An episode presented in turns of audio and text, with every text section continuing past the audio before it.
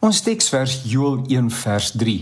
Vertel dit aan julle kinders en laat hulle dit weer aan hulle kinders vertel en die weer aan hulle nageslag. Professor Henny Stander, 'n gewaardeerde vriend, vertel dat sy kinders in Australië woon en dat hy hulle daar besoek het. Nou per geleentheid wag hy vir sy dogter daar op 'n kerklike terrein, 'n kerkterrein en hy sit rustig en wag in die tuin dat sy sal opdaag. Oomblikke later sluit iemand by hom aan en begin hom uitvra oor waar hy vandaan kom. Dit blyk dat die persoon 'n leraar by die betrokke gemeente is. En hulle gesels hartlik oor Suid-Afrika en sy uitdagings waarna die dominee vra of hy saam met Prof Henny kan bid vir die land Suid-Afrika. Natuurlik gryp Henny die geleentheid aan en hy self bid ook vir die dominee uh, wat uh, vir hom saam met hom kuier en vir hulle gemeente.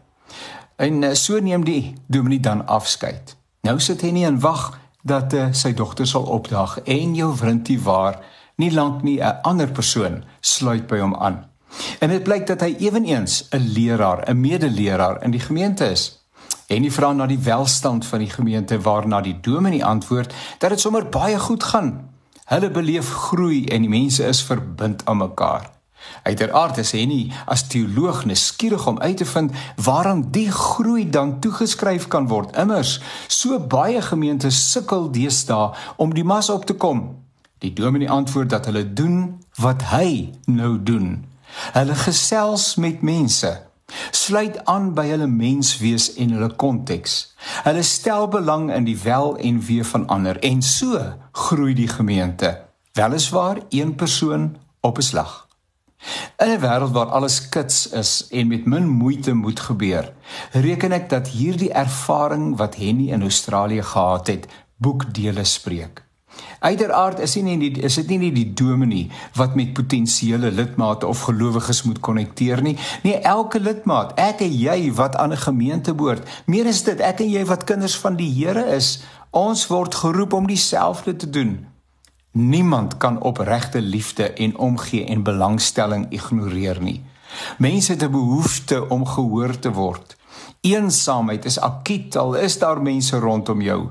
Min mense is bereid om te luister, die tyd op sy te sit en regtig te beleef wat die ander persoon beleef.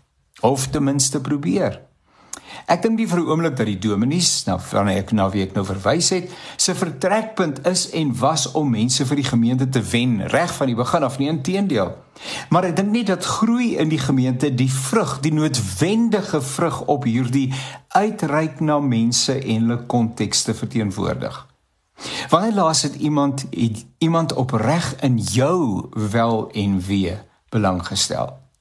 Wanneer laas het jy opreg in iemand anders se wel en wee belang gestel.